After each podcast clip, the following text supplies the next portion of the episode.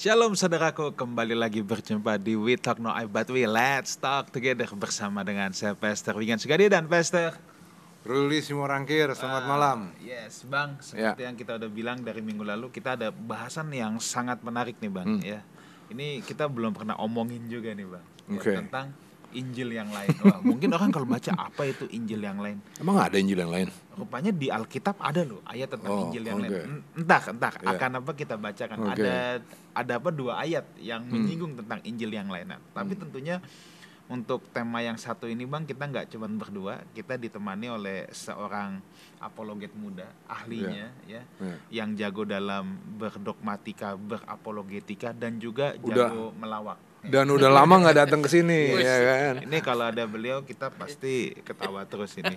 Ya. Siapa lagi kalau bukan Pastor Robson sama Sir. Halo Pastor Robson, thank you so much. Thank you udah- senang sekali. Sudah mau menemani kita pada malam hari ini. Kita udah kangen loh. Iya. Iya kan? Lama sekali ya. Iya, lama banget. dua purnama udah terlewat. Saudara, sebelum kita mulai saya mau menyapa setiap saudara yang menyaksikan secara langsung di YouTube channel Lifehouse Community maupun yang secara tunda ya dari MNC Live Channel. Saya ucapkan selamat bergabung, selamat belajar bersama. Saya percaya obrolan kita akan menjadi berkat bagi setiap kita yang mau uh, punya rasa haus untuk belajar karena saya pun selalu banyak belajar dari narasumber-narasumber dan dari perbincangan yang ada di meja ini. So, uh, siapkan catatan saudara or just enjoy it. Yang penting kita datang dengan spirit yang mau belajar ya. Dan kalau saudara ada pertanyaan, langsung saja WhatsApp ke nomor yang ada di layar kaca saudara ya. Jangan dari YouTube, jangan dari SMS. Saudara WhatsApp ke nomor yang ada di layar kaca saudara dan tema kita pada malam hari ini adalah Injil yang lain. Nah, pada malam hari ini Pastor Ruli akan membukanya. Tapi sebelum itu izinkan saya membaca dua ayat dulu Ya. ya Bang ya. Yang pertama yang terambil dari 2 Korintus pasal 11 ayat yang keempat. Sebab kamu sabar saja jika ada seorang yang datang memberitakan Yesus yang lain. Nah ini bukan Injil yang lain lagi, ada Yesus yang lain ya. Ini nggak tahu Yesus bin siapa ini ya. Daripada yang telah kami beritakan atau atau memberikan kepada kamu roh yang lain daripada yang telah kamu terima atau Injil yang lain daripada yang telah kamu terima. Ya, jadi ini sudah pernah terjadi nih di zaman eh, jemaat mula-mula yang ada di kota Korintus. Ayat yang kedua ya, itu ada di Galatia 1 ayat yang ke-6 dan ke-7 saya akan bacakan. Aku heran bahwa kamu begitu lekas berbalik daripada dia yang oleh kasih karunia Kristus telah memanggil kamu dan mengikuti suatu Injil lain yang sebenarnya bukan Injil. Hanya ada orang yang mengacaukan kamu dan yang bermaksud untuk memutarbalikan Injil Kristus. Nah, jadi saudaraku, kita tidak bisa menutup mata ya bahwa Injil yang lain itu dari dulu sudah ada. Nah, ini yang akan kita perbincangkan pada malam hari ini. Apa sih itu Injil yang lain?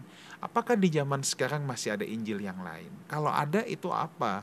Dan Injil yang benar itu seperti apa? Nah, sebelum saya ke Pastor Robson, saya ingin berikan dulu ke Pastor Ruli. Baik, terima kasih. Apa yang akan kami paparkan malam ini bisa dibilang lumayan ruwet sebetulnya ya. Iya, Jadi ruwet ini asli ruwet. Jadi ini menarik banget untuk diperhatiin tapi perhatiannya juga harus full. Oke. Nah, kalau tadi yang Pastor Wigan sampaikan itu memang ternyata sejak lama ada Injil yang lain, Injil yang palsu, Yesus yang palsu dan udah nggak ada keraguan, memang ada Injil yang lain. Tapi yang mau kami buktikan malam ini adalah bahwa yang juga dimaksud Injil yang lain adalah Injil yang tidak dipahami dengan benar. Injil yang tidak dipertimbangkan pengajarannya secara benar. Itu juga Injil yang lain. Oke. Saya ulang dulu ya. Injil yang lain adalah Injil yang tidak dipahami dengan benar. Injil yang pengajarannya tidak dimengerti dengan baik. Oke, saya lanjutin. Di abad ke-19 ada seorang namanya Jonathan Edwards. Jonathan Edwards ini memicu suatu kebangunan rohani dengan khotbahnya yang terkenal banget. Judulnya Sinners in the Hand of an Angry God. Manusia berdosa, berdosa yang ada di dalam tangan Allah yang murka. Dalam khotbahnya itu yang menjelaskan dengan gamblang sekali pemberontakan manusia yang keji terhadap Allah dan konsekuensi yang sedang mengancam.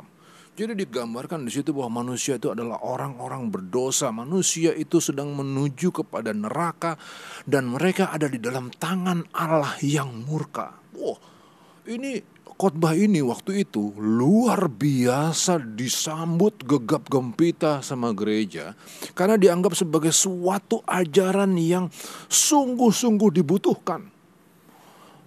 Bahkan menunjuk kepada khotbah ini, hari ini banyak orang bilang begini, nggak ada lagi orang yang berani khotbah seperti Jonathan Edwards di tahun di abad ke-19 itu, nggak ada lagi orang-orang yang berani khotbah secara keras, yang menuding jemaat dengan cara yang sangat gamblang nggak ada lagi. Sekarang kalau orang udah mulai diserang dari mimbar, orang-orang pada marah, pendetanya pada takut, gitu. Nah, saya mau permasalahkan nih malam ini kami bertiga mau permasalahkan. Apakah pengajaran yang seperti diajarkan oleh Jonathan Edwards ini benar? Apakah memang manusia untuk selama-lamanya harus dikasih tahu bahwa mereka berdosa? Dan apakah Tuhan adalah Tuhan yang murka? Kalau ini kita pahami dengan secara sempit seperti ini, akan ada efek negatif itu nanti akan dijelaskan oleh Pastor Robson. Oke, ini satu sisi. Khotbah yang keras, neraka, surga. Hmm. Kalau ini diterus-terusin juga nih, ruwet. Pastor Robson terangin. Di sisi yang lain, tokoh-tokoh psikologi modern dipelopori oleh misalnya Sigmund Freud, Jung, dan lain-lain sepakat untuk mengajarkan bahwa pada dasarnya manusia baik. Dalam lingo psikologi, dalam bahasa psikologi, manusia tidak memiliki dosa, kata mereka. Tapi mereka punya problem, mereka punya penyakit. Penyakit dan problem ini harus diperbaiki. Itu kok masalah manusia kalimat-kalimat yang seperti ini, ini juga adalah suatu permainan kata loh. Jangan salah ya. Ini permainan kata.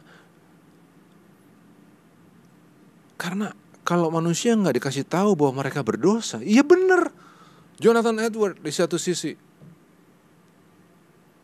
Nanti mereka jadi keenakan. Lanjut dalam dosa. Tapi ada benernya juga si Freud sama Jung ini ngomong. Kenapa? Karena kalau Allah digambarin sebagai Allah yang murka, kembali lagi tadi. Di mana kasih Allah? Kalau Allah digambarin sebagai pemilik amarah yang luar biasa, orang kan datang ke Tuhan cuman karena takut dimarahin nanti jadinya. Di mana kasih? Nah, ruwet kan? Ayo, kita itu yang kita obrolin. Oke, Pastor Kapsan. Kita, kita tugasnya ngasih yang ruwet biar dia biar dia yang jelasin secara Pastor sederhana. Kapsan, kita balik dulu deh, yang Siap. paling basicnya dulu. Mm-mm. Apa sih yang dimaksud Injil yang lain tadi dalam kitab Korintus dan kitab Galatia? Sedap. Ini basic kita dulu, basic. Di basic dulu ya. Oke. ini menarik ya. Eh, pertama-tama terkait dengan konteks ya dari teksnya. Ya. Jadi teks yang diangkat adalah Galatia pasal yang pertama dari ayat yang ke-6 sampai ayat yang ke-9 lah secara khususnya. Lalu 2 Korintus pasal yang ke-11 terkait dengan eh, Yesus yang lain, roh yang lain, Injil yang lain. Nah, eh, apa sih persoalan pokok pada konteks itu? Ya. Persoalan apa yang sedang dihadapi oleh Rasul Paulus? Jelas bahwa Paulus sedang menghadapi bukan persoalan yang biasa-biasa. Ini Ya. persoalan yang luar biasa. Terlihat dari Paulus kayak keluar bang dari kebiasaannya. Mm-mm. Dari cara dia menulis surat biasanya menyampaikan salam, syukur, doa dan sebagainya macamnya. Nah ini nggak terlihat di dalam surat Galatia Iya. karena dia sedang menyampaikan sesuatu yang mendesak dan genting. Hmm. Saking mendesaknya karena ini terkait dengan keselamatan, kehidupan kekal. Jadi ini bukan sesuatu yang main-main. Dan Paulus ungkapkan ya satu kekagetannya Ya. dari ayat yang ke-6. Aku heran bahwa kamu begitu lekas berbaik daripada dia yang oleh kasih karunia Kristus telah manggil kamu dan mengikuti suatu Injil lain. Begitu lekas kalau bahasa Medannya cepat kali kalian berubah. ya kan kayak barunya aku kunjungi kalian tapi dia berubah. Aku tawarkan sesuatu yang baik sama kalian, kalian tolak, lalu kalian terima yang bukan bukan yang baik gitu loh. Nah, jadi ada keheranan dari Rasul Paulus. Nah, disampaikan oleh Rasul Paulus bahwa mereka itu mengikuti suatu Injil yang lain Iya. yang kita juga bisa sebut sebagai Injil yang palsu. Nah, Injil yang lain ini apa sebenarnya? Nah, begini, Konteks Galatia sama Korintus sama nggak? kurang lebih sebenarnya case-nya sama. Case-nya sama Ah, ya. Jadi kalau yang ditekankan di Galatia oleh Paulus adalah ini menghadapi orang-orang ya Yahudi yang jadi Kristen. Mm-mm. Lalu mereka mendorong orang uh, Kristen dan Yahudi untuk ha- tidak hanya sekedar percaya Yesus untuk selamat. Mm-mm. Mereka perlu disunat, mereka perlu melestarikan tradisi Yahudi, Ya. mereka perlu melakukan hukum Taurat. Jadi nggak cukup hanya dengan percaya Yesus. Nah bagi Paulus itu itu uh, bukan hanya Injil plus bahkan, Oke. tapi itu zero gospel. Itu gospel yang kosong. Oke. Itu palsu. Jadi dia jadi di, oleh orang-orang Yerusalem itu dibilang bahwa kalau mau selamat itu harus Yesus plus ketatnya Iya, Taurat. ya betul. Murka Allah gitu ya. Ya. Oke, ya. Ya. Oke, lanjut. Nah, ini terlihat sekali Paulus betapa seriusnya karena tadi ya, ini sesuatu yang sangat penting. Terlihat dari ayat yang ke-8 sampai Paulus mengatakan anatema, terkutuklah dia. Hmm. Ini bukan main-main, loh. ini seorang rasul ya, menyampaikan eh, ketegasannya. Hmm. Terkutuklah dia, seperti yang telah kami katakan dahulu. Sekarang katakan sekali lagi, jikalau ada orang yang memberitakan kepada suatu kepadamu suatu Injil yang berbeda dengan apa yang telah kamu terima, terkutuklah dia. Ya. Nah, ini sekali lagi ini eh, nggak main-main eh, pesan yang Paulus mau sampaikan kepada jemaat Galatia. Jadi bahaya sekali Injil yang lain, bahaya sekali Injil yang palsu. Jadi kita ketahui dulu secara konteks pada waktu itu Ya. bahwa dari dulu sudah ada penyimpangan terhadap Injil. Oke. Dari dulu sudah ada ajaran sesat. Bukan baru sekarang, dari Oke. dulu sudah ada. Tapi bukan berarti tidak ada lagi sekarang ini. Oh, bahkan makin masif, makin berkembang luas. Nanti kita bisa diskusikan di situ. Oke. Nah, kita masuk kepada 2 Korintus pasal yang Oke, jadi ke- kalau begitu sekarang oke, kita udah sepakat ya. Ya. Ada Injil yang lain tuh ada ya. Ya, setuju. Oke, pertanyaannya adalah Injil yang lain di dalam konteks Paulus ini apa? Supaya supaya supaya di garis bawah dulu kan di di rumah sama yang nyaksikan ini Yang kan. di Galatia ya. Yang di Galatia. Ya, In- Injil yang menekankan Bah. sesuatu sesuatu yang yang lain di luar dari apa yang Paulus sampaikan. Keselamatan. Paulus menyampaikan cukup hanya Yesus, cukup melalui kasih karunia. Ya. Mereka menambahkan sesuatu yang lain pada hal ini. Jadi keselamatan itu tidak cukup hanya kepercaya kepada Yesus, tapi juga harus percaya harus tetap melaksanakan ketatnya Taurat. Itu Itu, ya. Injil yang lain. Itu Injil yang lain Dalam dalam, Galatia itu. ya. Hmm. Oke. Nah, masuk kepada 2 Korintus pasal yang ke-11, Bang. Ya. Sebenarnya kurang lebih sama sebenarnya. Hmm. Ini terkait dengan eh, guru-guru palsu atau rasul-rasul palsu. Ya. Ini eh Paulus juga dengan dengan kalimat yang ngenyek sebenarnya di ayat yang pertama ya. Alangkah baiknya jika kamu sabar terhadap kebodohanku yang kecil itu. Memang kamu sabar terhadap aku. Sebab aku cemburu kepada kamu dengan cemburu ilahi. Karena aku telah mempertunangkan kamu dengan kepada satu laki-laki untuk membawa kamu sebagai perawan suci kepada Kristus. Iya. Tetapi, nah ini dia, aku takut kalau-kalau pikiran kamu disesatkan dari kesetiaan kamu yang sejati kepada Kristus. Sama seperti Hawa diperdayakan oleh ular itu dengan kelicikannya. Jadi ada sebuah warning ya, Ya. peringatan keras bagi Paulus. Jangan sampai kamu jatuh karena terper- terperdaya Ya. oleh satu pemikiran yang keliru yang membuat kamu pada akhirnya hancur atau Ya. jatuh.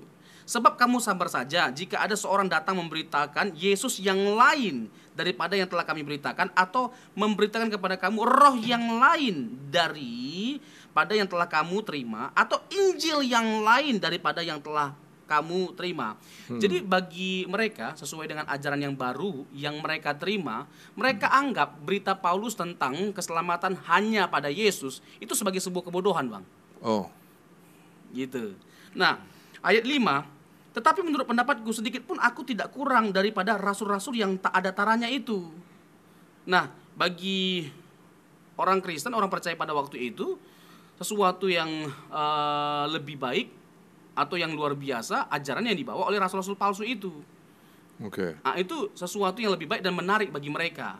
Padahal kalau bicara tentang kepintaran, kecerdasan, memang Paulus eh, lebih tinggi, lebih hebat, lebih baik daripada mereka. Jadi dia dia nulis di ayat satu tuh satir ya. Iya, satir sebenarnya. Menurut pendapatku sedikit pun aku tidak kurang daripada rasul-rasul yang terantaranya itu. Iya. Gitu loh. Kalau sampai gini, kalau sampai aku lebih pintar, lebih baik dari sisi filsafat dia anak buah Gamaliel, dari sisi hukum Taurat perjanjian lama dia kuasai. Jadi luar biasa cerdasnya Si Rasul Paulus. Paulus itu ya. Jadi kalau kamu mau mengikuti mereka karena mereka pintar sekali, aku tuh nggak kalah loh di antara rasul-rasul yang tiada taranya yang kamu anggap hebat itu. Iya. Gitu loh. Iya. Nah, eh, ayat yang keenam, jikalau aku kurang paham dalam hal berkata-kata, tidaklah demikian dalam hal pengetahuan, sebab kami telah menyatakan kepada kamu pada segala waktu dan di dalam segala hal. Jadi Rasul Paulus eh, jelas di sini eh, menekankan perihal bahayanya ajaran-ajaran palsu yang dibawa oleh rasul-rasul palsu. Rasul-rasul Iya. palsu itu rasul yang nggak tahu dari antah berantah mereka berasal. Iya. Siapa yang mengangkat mereka jadi rasul? Lalu tiba-tiba mereka nongol mengajarkan.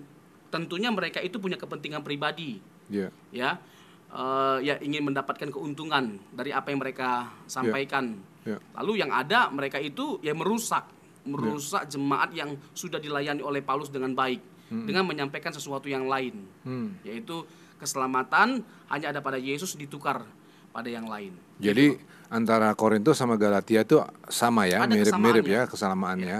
Eh, kesamaannya adalah bahwa ditawarkan keselamatan itu harus Yesus plus.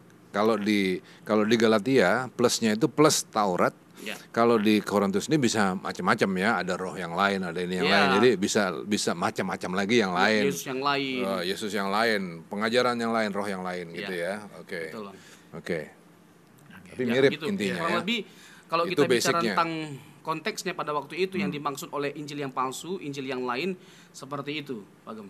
Ya. Oke, nah jadi itu kan pada saat itu Ya, tantangan pada saat itu. Nah, sekarang kalau pada zaman sekarang, ya eh, kita tahu lah ada yang namanya Injil Thomas, ya ada Injil Barnabas. Jelas itu merupakan sebuah Injil yang palsu juga kan, ya. yang dihadapi sempat lah oleh beberapa gereja di beberapa abad. ya. Hmm. Nah, tetapi pada hari ini mungkin sebagian besar pemirsa juga nggak pernah ngeliat tuh Injil Thomas barangnya kayak apa, Injil Barnabas Injil barangnya Filipus, kayak apa, Maria. iya. Mungkin kita kagak pernah lihat. Nah, tapi berarti apakah ayat ini masih relevan untuk kita hari ini? Injil yang lain Oke. masih relevan nggak? Oke. Kalau masih, oke, apa dong itu? Sebentar, berarti? jadi maksudnya dikaitin sama Injil Thomas dan lain-lain atau gimana? Nah, Maksudnya tadi gimana? kan saya bilang ada Injil Thomas, Iya. ada Injil Barnabas. Iya. Tapi itu kan menyerang gereja mungkin di abad pertengahan ya. Ya. Iya. Abad Nah, pertama tapi ya. untuk kita yang hidup di hari ini, sebagian besar kita juga mungkin kagak pernah Lihat lihat Injil. Thomas, iya. Iya. Nah, apakah Injil yang lain itu masih ada atau enggak sekarang? Oh. Ya, kalau ada bentuknya Oke. apa gitu loh. Oke, kalau gitu tapi masih dibahas dulu. Kenapa Injil Thomas itu kita berani nyatakan malam ini bahwa itu palsu? Ya. Iya dong. Ya. Ya, boleh, Nah, boleh. Kenapa dia dianggap palsu? Ya, gini, kalau kita bicara tentang Alkitab, eh, mengapa disebut Firman Allah? Yang pertama ya syaratnya itu ditulis oleh nabi atau- para rasul. Yang kedua diterima secara umum atau universal. Yang ketiga eh, pada waktu itu banyak dipergunakan, banyak dipergunakan oleh eh, jemaat mula-mula. Itu syarat dari kanonisasi. Eh, selain ditulis oleh para rasul atau nabi, kalau untuk terkait dengan perjanjian baru itu dari abad pertama. Sementara Injil Thomas, Injil Barnabas itu tidak memenuhi kualifikasi. Injil Filipus itu Injil-Injil yang di luar dari abad pertama. Setelah para rasul mati. Nah, Oke. Nggak sedikit dari Injil-Injil yang palsu itu menggunakan nama para rasul supaya bisa diterima wibawa tulisannya, otoritas tulisannya. Seperti Injil Barnabas, itu bukan benar-benar Barnabas, itu di abad 13 kurang lebih dituliskan. Tapi supaya diterima otoritas tulisannya, dia pakailah nama Rasul Barnabas. Ya, teman Rasul Paulus. Ya. Jadi itulah alasan mengapa kita tidak menerima uh, Injil-Injil itu sebagai Injil yang kanonik sifatnya. Oke. Nah, kita masuk kepada eh, pembahasan yang lain yang gak kalah menarik sebenarnya terkait dengan apakah di luar dari Injil Barnabas yang disebut sebagai Injil yang palsu, Apakah ada Injil? apakah ada kepalsuan Iya. ya di abad abad yang modern Ah, atau Tunggu dulu, tunggu dulu, sebentar dulu. Yang, yang Injil Thomas kita masih stop dulu nih, masih dibungkus dulu. Kalau saya bilang itu nggak bisa masuk ke dalam Injil palsu, Hmm. karena itu bukan Injil. Iya. Itu bukan Injil, itu buku yang bilangnya atau bahasanya ditambahkan di depannya Injil. Iya. Sedangkan tidak memenuhi syarat-syarat Injil. Memang bukan Injil ya. Karena bukan Injil, jadi jangan masuk itu kepada Injil palsu. Itu mah bukan Injil Iya. gitu ya. Iya. Oke, lanjut terus. Ya. Eh, adakah gitu loh di luar abad pertama atau abad-abad masa lalu ya Ya. Iya. eh, terkait dengan pergulatan gereja melawan Injil-Injil palsu, Injil-Injil lain di luar dari apa yang diberitakan oleh para rasul atau Rasul Paulus secara khusus. Oh banyak sekali, Hmm. banyak sekali. Ya nanti kita perlu deskripsikan ya yang dimaksud dengan Injil yang palsu itu apa, Injil yang benar itu seperti apa, Ya. sehingga tolak ukurnya itu pada deskripsi kita tentang Injil yang benar. Ya. Jadi sesuatu yang tidak berfokus berpusat pada Injil yang benar itu konsep Injil yang benar itu Injil yang palsu. Oke. Misalnya nih ya, eh, hyper grace Ya. itu bagian dari Injil yang palsu. Ya. Kita kan diminta oleh Tuhan untuk bisa eh, membedakan roh. Termasuk di dalamnya itu adalah membedakan pengajaran. Hmm. Pengajaran-pengajaran yang tidak sesuai dengan kebenaran firman Tuhan. Hmm. Ya kita ambil contoh nanti banyak bisa ditambahkan Bang Ruli sama eh, Pak Wigan pasti banyak stok stoknya nih.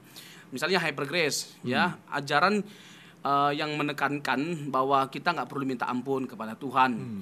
Kati- Ketika kita sudah percaya Yesus, dosa kita diampuni bukan hanya pada masa lampau, hari ini sampai yang akan datang pun Oke. itu sudah diampuni oleh Tuhan.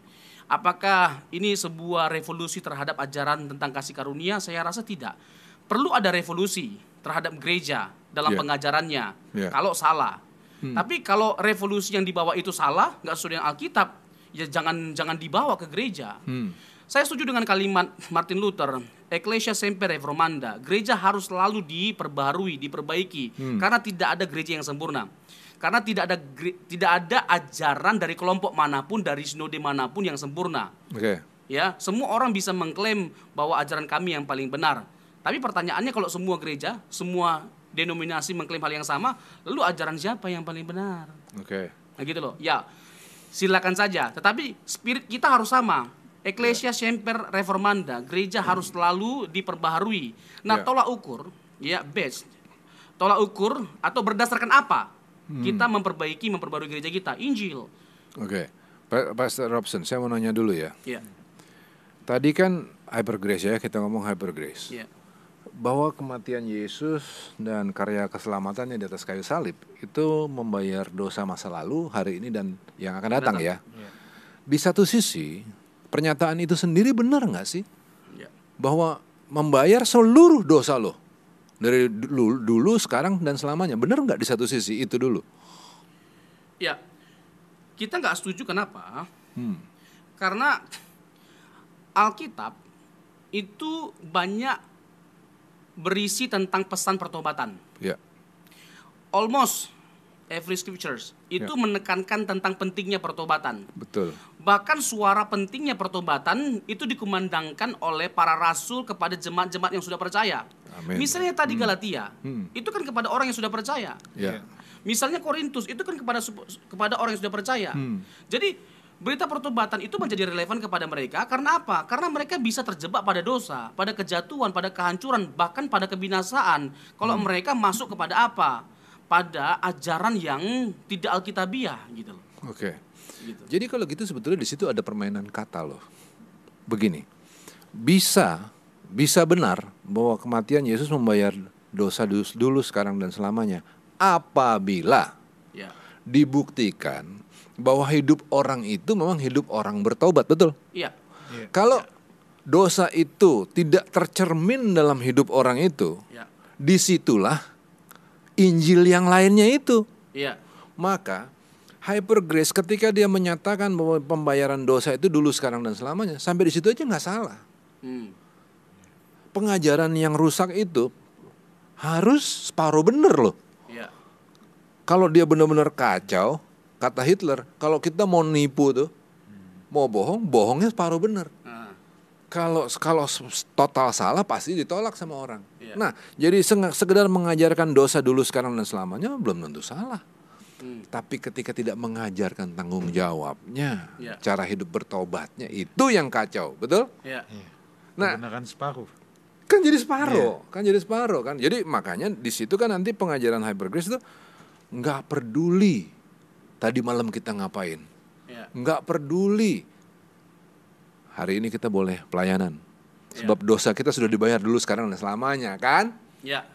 Di situ kan, jadi, eh, Eh, mungkin saya mau gunakan bahasa ini, Bang. ya, Bahwa pengampunan Allah itu selalu tersedia bagi setiap kita. amin, Tapi eh, tanpa pertobatan tidak ada pengampunan. yes, Itu penting Yes. untuk kita ingat supaya kita nggak menggampangkan kasih karunia Tuhan. Seakan-akan, Nah. seakan-akan bahwa ya kita nggak perlu takut untuk melakukan kejahatan apa pun. Karena apa? Karena kasih karunia Tuhan itu lebih besar daripada dosa kita. Dia pasti mengampuni kita. kacau kalau begitu Jadi mikirnya, kacau. iya, Karena apa sejatinya tidak ada pengampunan tanpa pertobatan. iya, Kita percaya Tuhan pasti mengampuni kita. Tapi Iya. yang Tuhan inginkan setelah kamu diampuni, kamu perbaiki diri dong. iya, Gitu. iya.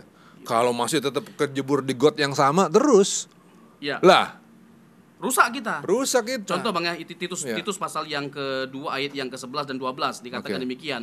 Karena kasih karunia Allah yang menyelamatkan semua manusia sudah nyata. Hmm. Ia mendidik kita supaya kita meninggalkan kefasikan dan keinginan-keinginan duniawi dan supaya kita hidup bijaksana, adil dan beribadah di dalam dunia sekarang ini. Tadi ada kita bahaslah dalam diskusi kita. Orang yang sudah percaya itu bisa nggak jatuh dalam dosa? Bisa. Iya. Tapi orang yang percaya itu nggak bisa terikat dalam dosa atau terus-menerus melakukan dosa yang sama. Iya. Gitu Iya. gitu Kalau jatuh dalam dosa ya siapa yang nggak dosa sih? Kita Iya. kan bukan bukan super power yang Iya. nggak mungkin dosa. Setel- Setelah percaya Yesus selalu anti dosa. Nggak mungkin dong. Terhadap dosa. Iya. Nggak ada manusia yang seperti itu.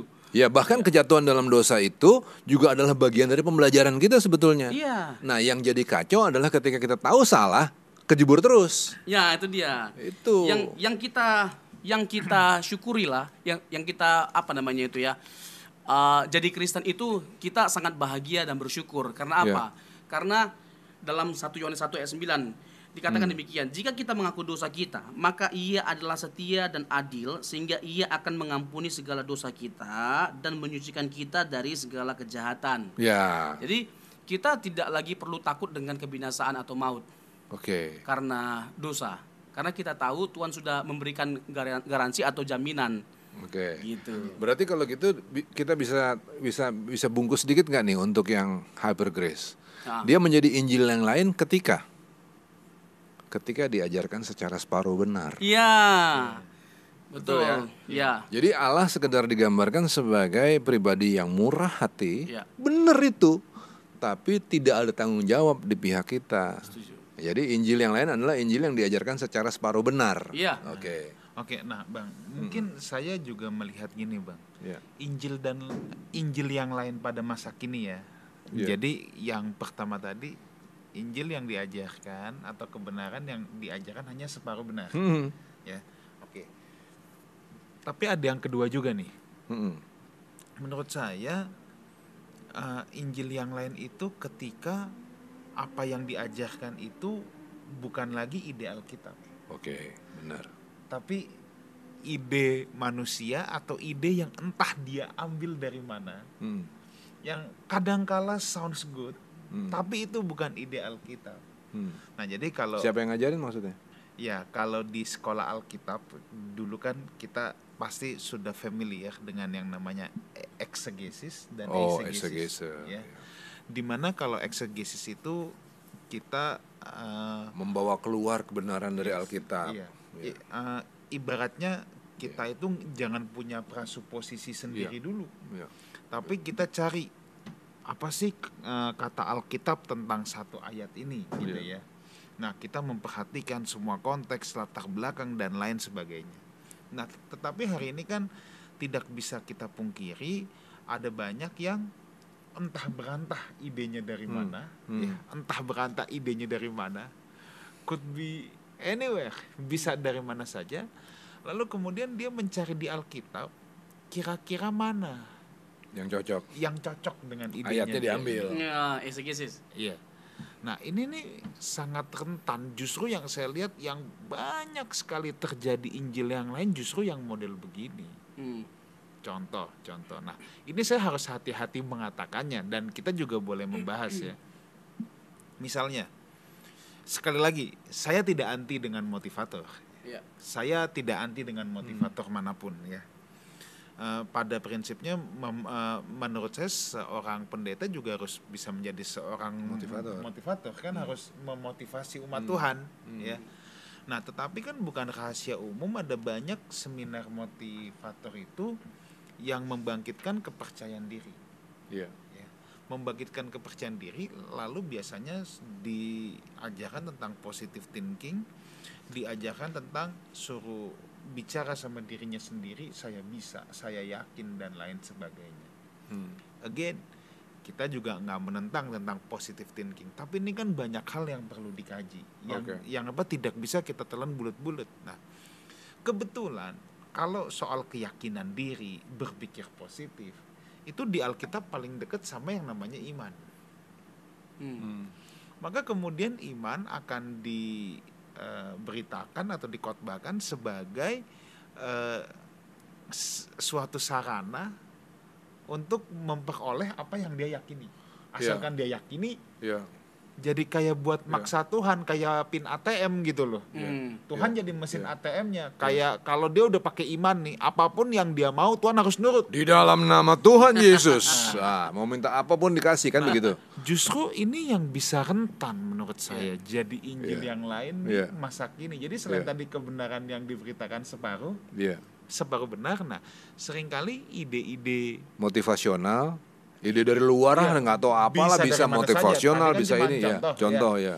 ide dari luar entah berantah da- datang dari mana dimasukin dicari ayat cocok logi ya dengan dengan il- apa ilmu cocok logi kemudian dijadikan Pengajaran. sebuah landasan kebenaran. Ya. Ya, makanya gini, eh, orang percaya eh, secara umum lah ya bang ya, Hmm. bukan hanya orang-orang yang sekolah teologi ya, harus belajar Nah. bagaimana memahami Alkitab dengan baik. Hmm.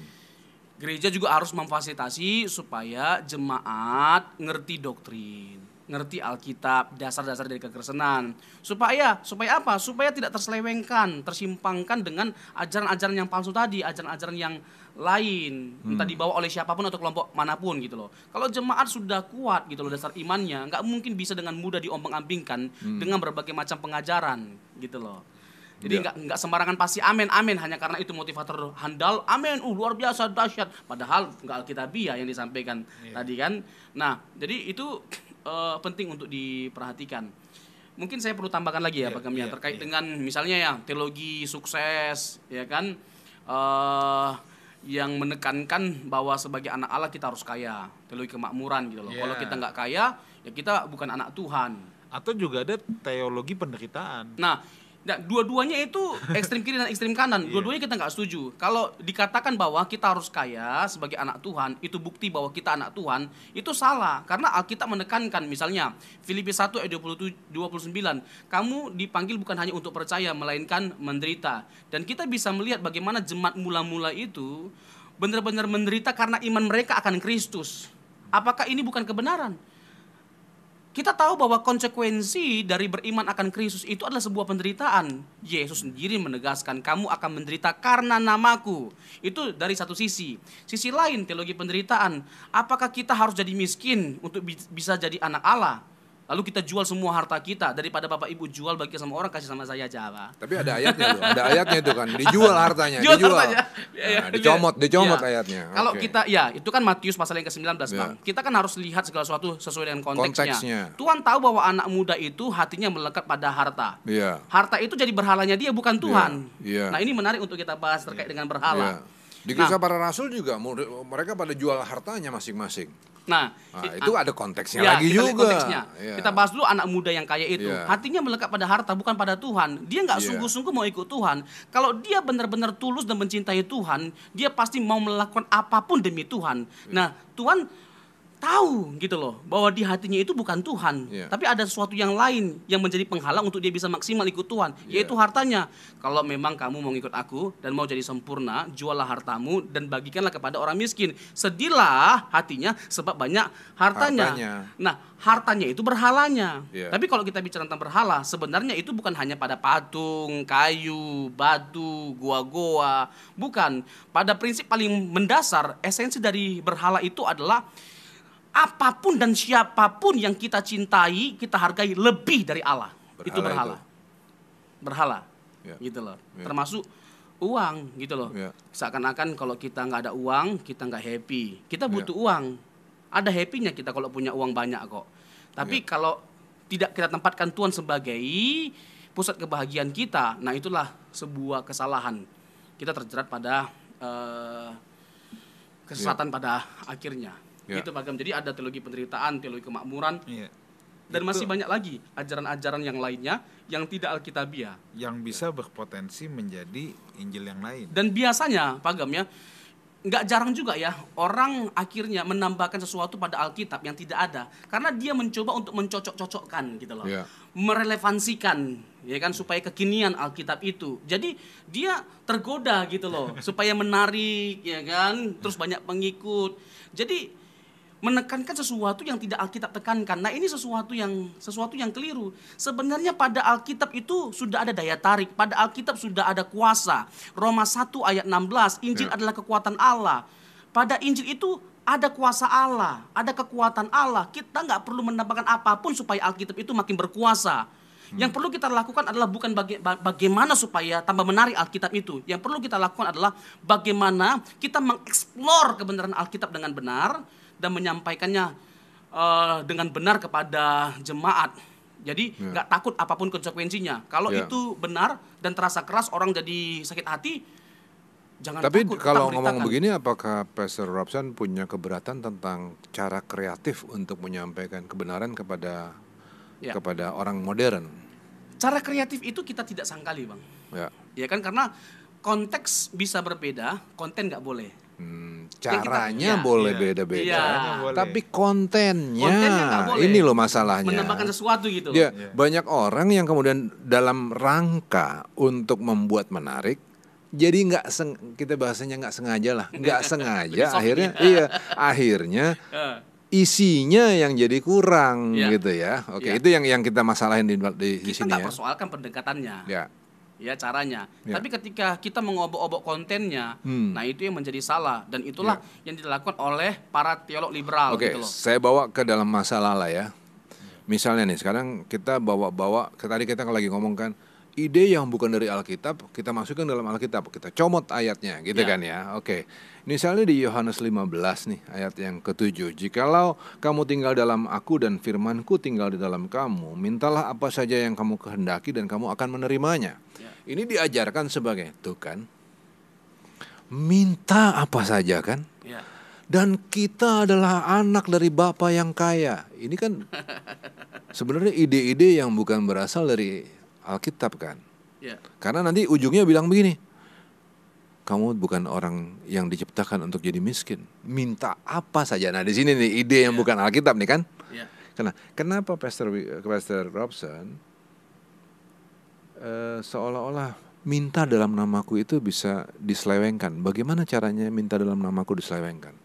Ya.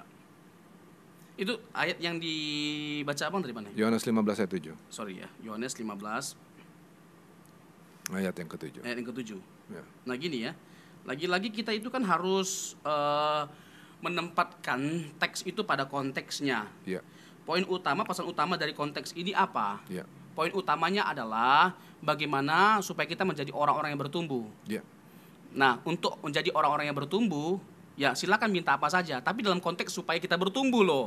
Ah, Berbuah loh. berbuah ya. Jangan melenceng. Ya, berbuah loh. Karena esensinya begini, di Ya. luar Tuhan kita nggak bisa berbuah. ya. Karena kita ini ranting dan dia adalah pokoknya, Bapak pengusahanya gitu loh. Hmm. Jadi jangan mengharapkan bisa ber- bertumbuh berbuah kalau kita tidak melekat pada Kristus. Yes. Dan kalau kita melekat pada Kristus dan mau berbuah banyak, mintalah dalam konteks ini. Ya, berbuah banyak untuk kepentingan kerajaan Iya. Allah. Bukan dalam pengertian sebebas-bebasnya. Tuhan, aku mau, mau punya mobil Alphard 2, Tuhan. Eh, Tolong kasih ya Tuhan. Ya. Tuhan, aku mau punya rumah loh di sini Atau, di yang lebih sederhana, Tuhan, aku mau sembuh misalnya. Ya. Ya kan misalnya aja, tapi sembuhnya kan sebenarnya hanya supaya kita jangan sakit kan hanya itu, bukan supaya berbuah kan? Iya, saya takut orang jadi salah ngerti kita, Bang. Hah. Seakan-akan kalau kita ngomong begini, wah, kayaknya anti mujizat ini, kayak anti ke anti kemakmuran. Ah, coba terangin. Nah, Ya. Nggak gini. boleh minta nih. Iya, Nggak oh, boleh minta nih. Kayaknya Iya. Kita kan bicara tentang konteks, teks Iya. dan konteks jangan Iya. dipisahkan. Iya. Kalau bicara tentang percaya nggak Bapak bahwa Allah bisa melakukan mujizat sekarang? Oh percaya banget. Iya. Tapi kan kamu sedang mempersoalkan teks ini, konteks ini, jangan lari. Iya. Jadi kalau kamu sakit minta sembuh, ya silakan nggak jadi masalah. Nggak masalah. Tapi ingat sebagai orang Kristen yang dewasa rohani harus mengerti kehendak Tuhan dong. Kalau Tuhan tidak sembuhkan, jangan bilang Tuhan tidak sayang. Satu. Ah, Atau jangan terus-terusan minta yang buat kita dong. iya. Mintalah untuk kepentingan dia. Kerajaan Allah, Iya. termasuk pertumbuhan rohani kita, makin cinta Iya. kita dengan Tuhan, itu Iya. adalah kepentingan kerajaan Allah. Kalau kita sakit jadi, kalau kita sakit boleh nggak minta sembuh? Boleh, Iya Bang. boleh banget. Silakan saja. Boleh banget. Tapi kemudian setelah sembuh apa pun yang kita buat kan gitu. Iya, semuanya untuk kemuliaan Allah dan kerajaan Allah. Oke. Begitu kurang lebih, ya. Pak Gam. Nah, tadi Pastor Robson sempat nyinggung sesuatu tapi kita geser tadi. Bicara tentang surga, soal neraka dan lain-lain. Ya, surga dan neraka tadi. Sempat sempat ngomong kan soal itu kan. Nah, jadi sekarang uh, apa tadi? Jadi ada apa apakah kalau begitu sekarang gini? Kan kaitannya sama yang tadi yang di awal saya ngomong ya. Ya. Seolah-olah Allah itu digambarkan sebagai Allah yang murka. Manusia digambarkan sebagai manusia yang berdosa, yang sedang dalam perjalanan menuju neraka di tangan Allah yang murka. Apakah surga digambarkan hanya se seserem itu, Pastor Robson? Ya. Allah itu adalah Allah yang sempurna. Allah yang sempurna itu memiliki banyak sifat. Allah itu maha murka iya, tapi Allah itu bukan hanya maha murka, dia juga maha bijaksana, maha adil, maha kasih, eh, ya maha pemurah dan lain sebagainya macamnya. Jadi kita tidak boleh melihat Allah dari satu sisi. Ya. Yang ada kita terjebak pada teologi yang salah, ajaran yang salah, dan bahkan penyimpangan. Kalau kita mencoba untuk melihat Allah dari satu sisi, whole picture dong. Kita harus melihat atau menggambarkan Allah secara utuh. Nah, untuk menggambarkan Allah secara utuh, kita juga harus melihat Injil secara utuh. Jangan sepotong-sepotong. Alkitab satu sisi menekankan bahwa Allah itu bisa murka terhadap kita Yes. kalau kita eh, berbuat dosa ya kan? Terus menerus melakukan kesalahan tidak taat tidak tunduk tidak berbuah Allah bisa potong kita dan mencampakkan ke dalam api dan lain sebagai macamnya Jadi di bisa, sini- bisa ya, itu begitu bisa. ada memang. Oke. tapi itu kan sepotong pada akhirnya kalau Yes. hanya itu saja yang kita tekankan Ya. harus whole picture kita harus melihat secara utuh Allah juga adalah Allah yang penuh dengan kasih yang bisa dengan sabar menanti kita untuk datang bertobat gitu loh misalnya Lukas pasal yang ke-15 ya Gem ya Lukas pasal yang ke-15 terkait dengan anak yang hilang Bang Ya. bagaimana eh, si bungsu itu melakukan kesalahan yang fatal. Hmm. Yang pertama kesalahan yang fatal eh, dia meminta warisan. Yang notabene hal itu adalah salah. Itu sama dengan dia meminta supaya ayahnya mati. Iya. Pada waktu itu juga gitu loh. Iya. Dengan meminta warisan. Itu sama sekali tidak etis gitu loh. Iya. Tidak Itu bermoral. bahasa yang kasar sekali Kasar di zaman sebenarnya itu. dengan minta warisan. Kedua, dia habiskan untuk berfoya-foya. Semuanya lah kejahatan pada umumnya dia lakukan gitu loh. Iya. Nah akhirnya jatuh miskin, habis semua yang dia bawa itu. Lalu eh, ada timbul dalam hatinya untuk kembali. Gak apa-apa lah jadi pegawainya bapakku juga gak jadi masalah. Yang penting aku gak susah makan. Ya kan makan nampar babi. Kan ngeri kali. Padahal dia orang kaya, anak dari orang kaya gitu loh. Bapaknya punya semuanya gitu loh. Nah, menariknya adalah eh bapaknya gitu loh, Bang. Hmm. Yang pertama ini anak kurang ajar sekali. Anak ini melakukan banyak sekali kejahatan atau dosa. Tapi apa yang dilakukan oleh bapaknya? Marah dia, dimaki-maki anaknya. Enggak toh. Iya. Kenapa? Karena keselamatan jiwanya itu lebih penting daripada kesalahan yang dilakukan. Iya. Dia bukan hanya sekedar berdiri menyambut anaknya sedang lari kepadanya. Dia dia melakukan papanya, melakukan sesuatu yang membuat orang pada akhirnya, loh, kok beda ya cerita ceritanya Yesus ini ya ketika bicara tentang ada seorang bapak yang punya anak dua laki-laki. Kok Bapak beda? yang udah dihina Karena ini begitu. cerita umum sebenarnya Iya. di kalangan para rabi pada waktu itu. Iya. Tapi kalau Yesus ini beda. Iya. Bapak ini lari menyambut Lari. anaknya. Ini bicara tentang apa? Kebesaran kasih karunia Allah dalam menyambut kita yang datang kepada Dia. Yes. Anugerah Allah selalu jauh lebih besar daripada kesalahan kita. Ketika Yes. kita datang bertobat, nggak mungkin Tuhan tidak menerima setiap kita. Yes. Gitu loh. Ini menggambarkan Allah yang penuh dengan kasih karunia. Hmm. Tapi lagi-lagi jangan hanya menekankan satu sisi, mengabaikan yang lainnya, Ya. menggambarkan menekankan yang ini, mengabaikan yang ini. Whole picture dong. Harus Ya. lihat secara utuh. Satu kesatuan yang bisa dipisahkan ini. Jangan Iya. kebenaran yang separuh tadi. Iya, jangan Ya, sepotong-sepotong. spot-spot. Iya. Iya. Oke. Nah, sekarang apa sih bahayanya? Ini kan gini ya, mesti diakui ya, mesti diakui. Banyak orang yang terhisap dalam pemikiran bahwa Allah adalah Allah yang pemarah, bukan? Iya. Itu kalau dalam bahasa saya gini bang, banyak orang yang punya gambaran Tuhan itu gambaran yang salah. Jadi Tuhan kayak psikopat, Iya, ngamuk terus. iya. Penyakit karena dikutuk, dikutuk Tuhan, Iya. kematian karena Tuhan ngamuk. Mm. Selalu yang disalahin Tuhan, Tuhan, Tuhan. Iya. Efek apa Pastor Wigan yang didapat dari cara berpikir seperti ini? Ya pasti manusia itu kan dibatasi oleh tiga hal menurut saya. Hmm. Yang pertama pengetahuan yang ada di kepalanya, yang kedua iman yang ada dalam hatinya, tiga nilai yang ada dalam hidupnya. Hmm. Nah jadi ini kan pasti karena ajaran yang didengarnya begitu, Hmm. pengetahuan yang ada di kepalanya begitu ya otomatis bang. Hmm. Jadi mewarnai pemikirannya ya seperti itu. Kalau Pastor Robson bagaimana? Eh, terkait dengan apa tadi? Orang sampai sekarang itu kan terhisap dalam cara berpikir bahwa Allah adalah Allah yang pemarah. Ya. Kan orang terhisap ke banyak banyak orang terhisap pada ketakutan masuk neraka kan sebetulnya. Mm. Kenapa pada datang ke gereja? Kenapa begini, kenapa begitu? Karena supaya jangan dikutuk, supaya jangan nanti mati masuk neraka pula, gitu kan? Ya. Nah, bagaimana nih? Kalau kalau ini dilanjut lanjutin terus cara berpikir ini efek negatif apa nanti yang terjadi? Ini dulu yang perlu saya tekankan bang ya. Eh, melakukan segala sesuatu apa yang Tuhan inginkan karena mencintainya itu lebih tinggi nilainya daripada karena takut dihukum dia. Hmm. Contoh nih ya bang ya. Kalau kita misalnya sebagai anak, kita nggak mau melakukan kesalahan, ya karena kita mencintai orang tua kita, kita nggak mau permalukan dia. Bukan hanya sekedar nggak nggak berani, nggak takut eh, takut untuk dihukum dia. Tapi karena kita mencintai dia, kita nggak mau menyakiti perasaannya, kita nggak mau bikin dia susah, kita nggak mau salah. Kita mau bikin dia bangga. Iya, kita mau membanggakan dia. Terlebih lagi dengan Tuhan. Jadi kita mau melakukan apa pun, taat melakukan apa yang dia kehendaki, lebih lebih lebih kepada karena kita mengasihi dia daripada takut untuk dihukum dia. Iya. Jadi tekankanlah Allah yang penuh dengan kasih dan Allah yang penuh dengan kasih itu bisa juga menunjukkan kasihnya dengan menghukum kita ketika kita salah Betul. gitu loh. Karena barang siapa kasih ikut tegur dan kuhajar. Ibrani pasal yang ke-12 di mana ada anak yang tidak dapat eh, hajar hajaran dari orang tuanya. Gitu. Jadi, Pak, tadi aku sekolah. Oh, kenapa kamu sekolah hebat banget kamu? Iya Pak, nggak bolos sama sekali. Seluruh perjalanan per- pelajaran aku ikutin dari jam 7 sampai jam 1. Kenapa sayang? Jawabannya?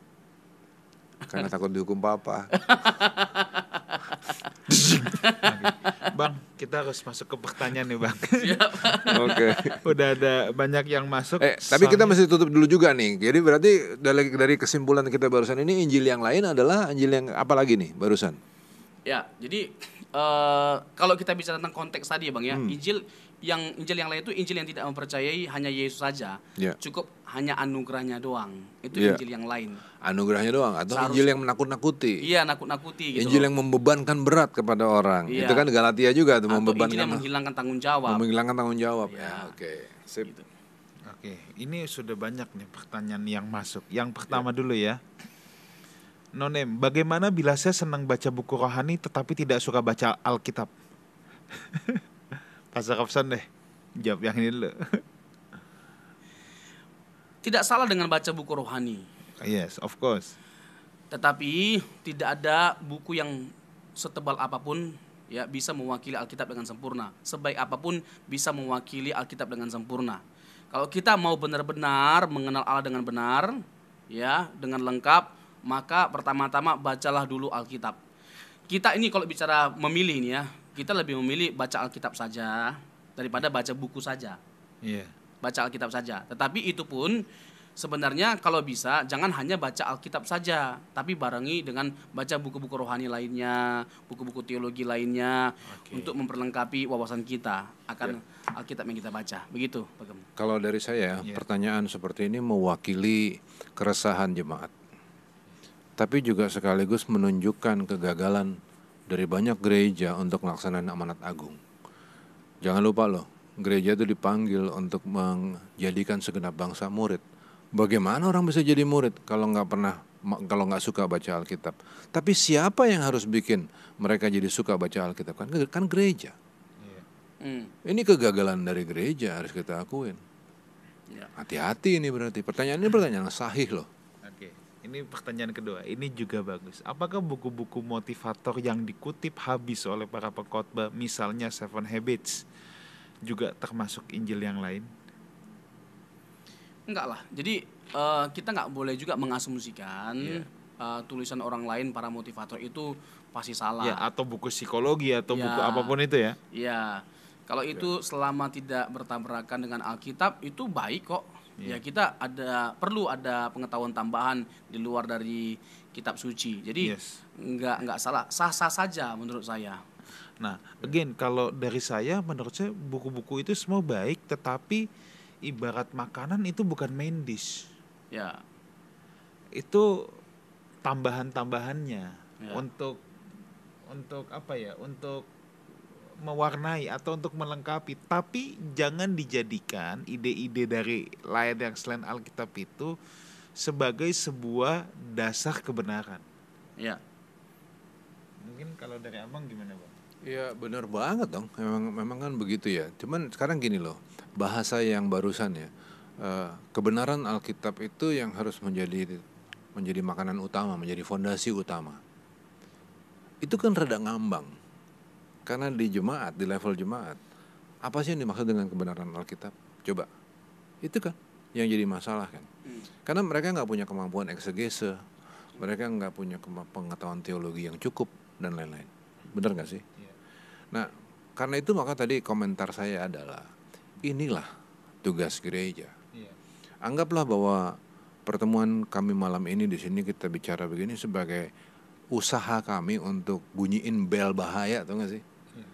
Kalau gereja nggak terpanggil untuk bikin jemaat ini menjadi hamba-hamba Tuhan semua, menjadi teolog-teolog, ngapain bikin gereja coba? Iya. Hmm. Gereja tuh harus mendidik kok, supaya nggak ada yang awam Alkitab. Ya, gereja harus menjadi sekolah Alkitab. Iya dong, Ya, harus dalam pengertian Alkitab. melek melek Betul. akan Alkitab dan Kalau- itu spiritnya dari Martin Luther, Bang. Betul, kalau sekarang gereja nggak terjadi begitu, ngapain banyak-banyak gereja? Iya. Itu loh, itu kan bel bahaya ini. Oke, next ya. Hmm. Mana ini tadi? Oke. Shalom Pak Ruli, Pak Wigan dan Pak Robson. Saya Daniel dari Surabaya. Daniel, Halo Daniel, mau tanya beberapa aliran Kristen tertentu seperti Mormon. hmm. Mormon termasuk Kristen ya? Ya, Ya. di, digolongkan tapi Digolongkan. kita Oke, oke. karena Punya Injil sendiri yang notabene dikarang oleh pendiri aliran tersebut. betul. Sebenarnya ini kan dipertanyakan keotentikannya. Tapi kok masih boleh terbit dan beredar ya?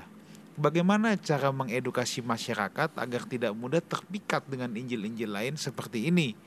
dan bagaimana apabila kita memiliki teman yang kebetulan berasal dari aliran-aliran yang seperti ini perlukah mendebat atau dibiarkan saja terima kasih penjelasannya Ya. Bang Ruli dulu. Oh, begini. Berapologet, berapologet ya, artinya berdebat tentang suatu pemahaman itu sesuatu yang bagus. Dan itu memang tanggung jawab orang percaya untuk berapologet. Itulah makanya ada ahlinya di sini, Pastor Robson, ya. Tapi di sisi lain, ya, selain berdebat dan saling berargumentasi, yang juga sangat diperlukan adalah contoh. Contoh. Kalau kekristenan kita nggak jadi menarik, orang-orangnya bluwek semua, jujur nggak jujur segala macam nggak karu-karuan.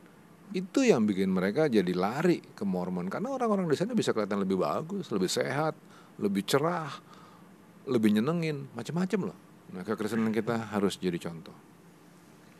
Eh, kalau kita ulik sebentar ya terkait dengan Mormon itu jelas sebenarnya tidak bisa Dianggap. eh, diakui sebagai Kristen karena konsep dasar Kristen, secara umum mempercayai Alkitab itu adalah firman Allah, Yesus itu Allah, Allah itu Tritunggal.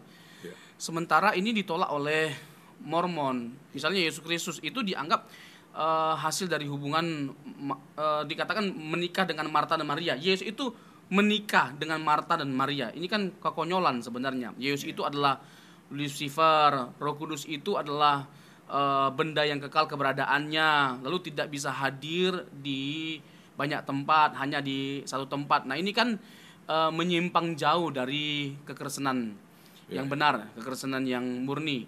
Nah, bagaimana pertanyaannya kan tadi, bagaimana kita tahu sesuatu itu eh, murni atau tidaknya? Ya tadi, kita eh, harus mempercayai bahwa Alkitab itu adalah firman Allah. Iya. Jangan pada jangan tambahkan sesuatu yang lain pada Alkitab, sola scriptura. Lalu Yesus itu adalah Allah dan keselamatan itu hanya datang dari Yesus. Ini yang benar ini.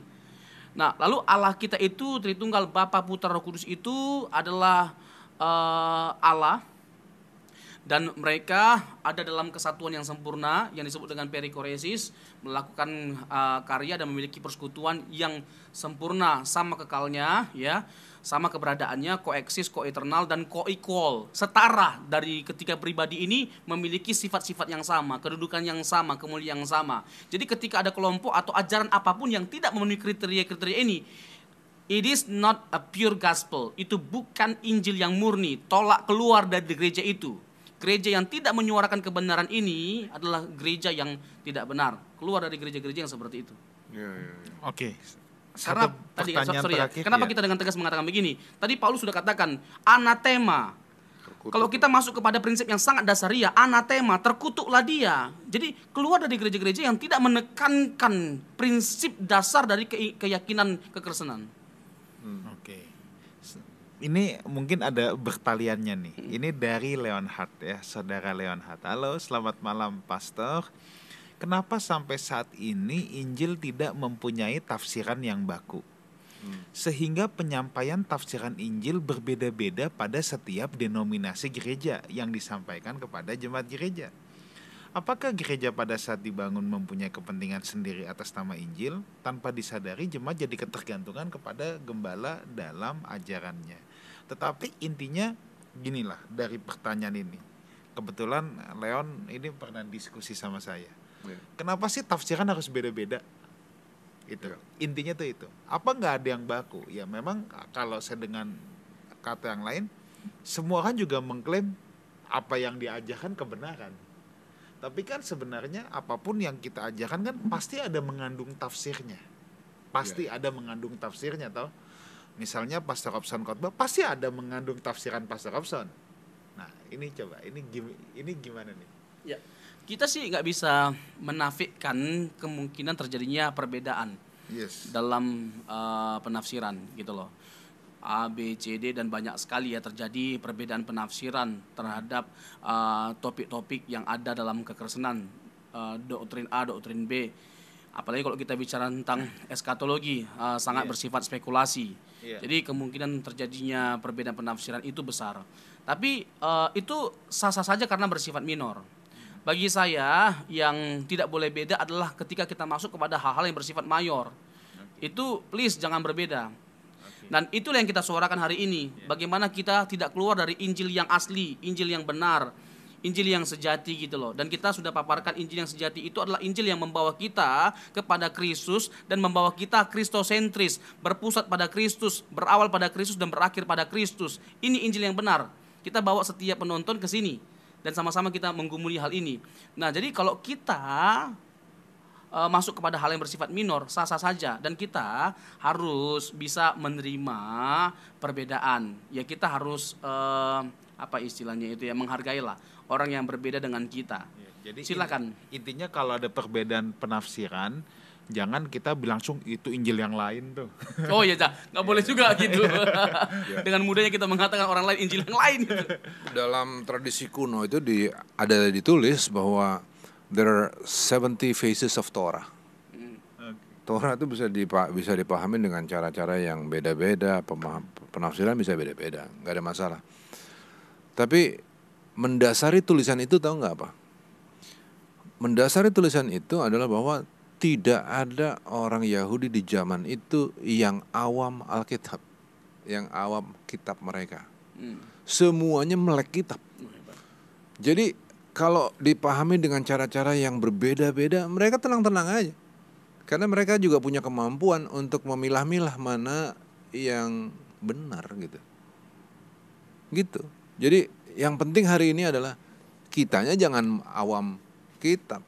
Kalau kitanya juga awam kitab ya jelas saja ada ketergantungan. Hmm. Oke, thank you Bang. Thank you Pastor Rapson. Ya, kita udah di penghujung acara kita. Mungkin ada closing statement satu kalimat singkat. kita tidak bisa hidup tanpa Injil. Injil diberikan supaya kita bisa hidup. Hidup sesuai dengan kehendak Tuhan.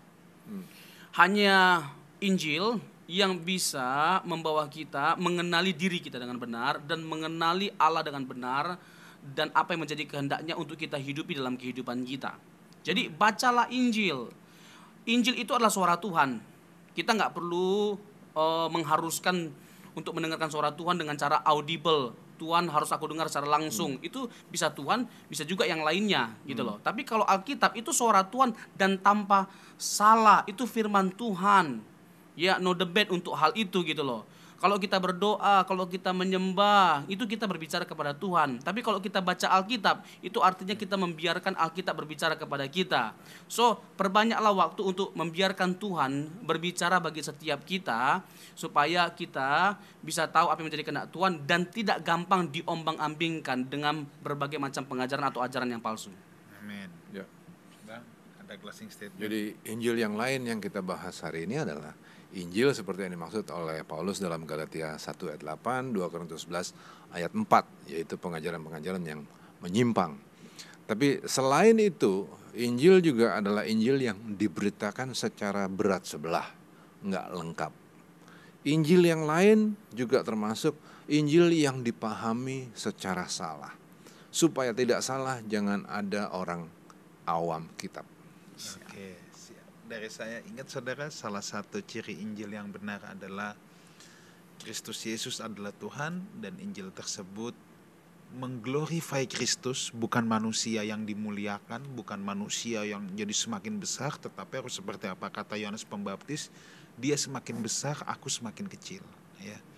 Dan Injil itu juga ya eh, membawa saudara lebih mengasihi Tuhan, lebih mencintai Tuhan dan lebih dekat dengan Tuhan. Thank you Pastor Robson Siap, sama-sama. untuk waktunya pada malam hari ini. Bang, next week kita kedatangan tamu spesial, seorang hamba Tuhan, seorang komposer dari beberapa lagu sekuler yang terkenal, yang hits, yang dinyanyikan oleh artis Mawar De Jong. Ya, Oke. mungkin teman-teman langsung notice gitu saya sebut beliau adalah Pastor Raguel Lewi. Oke.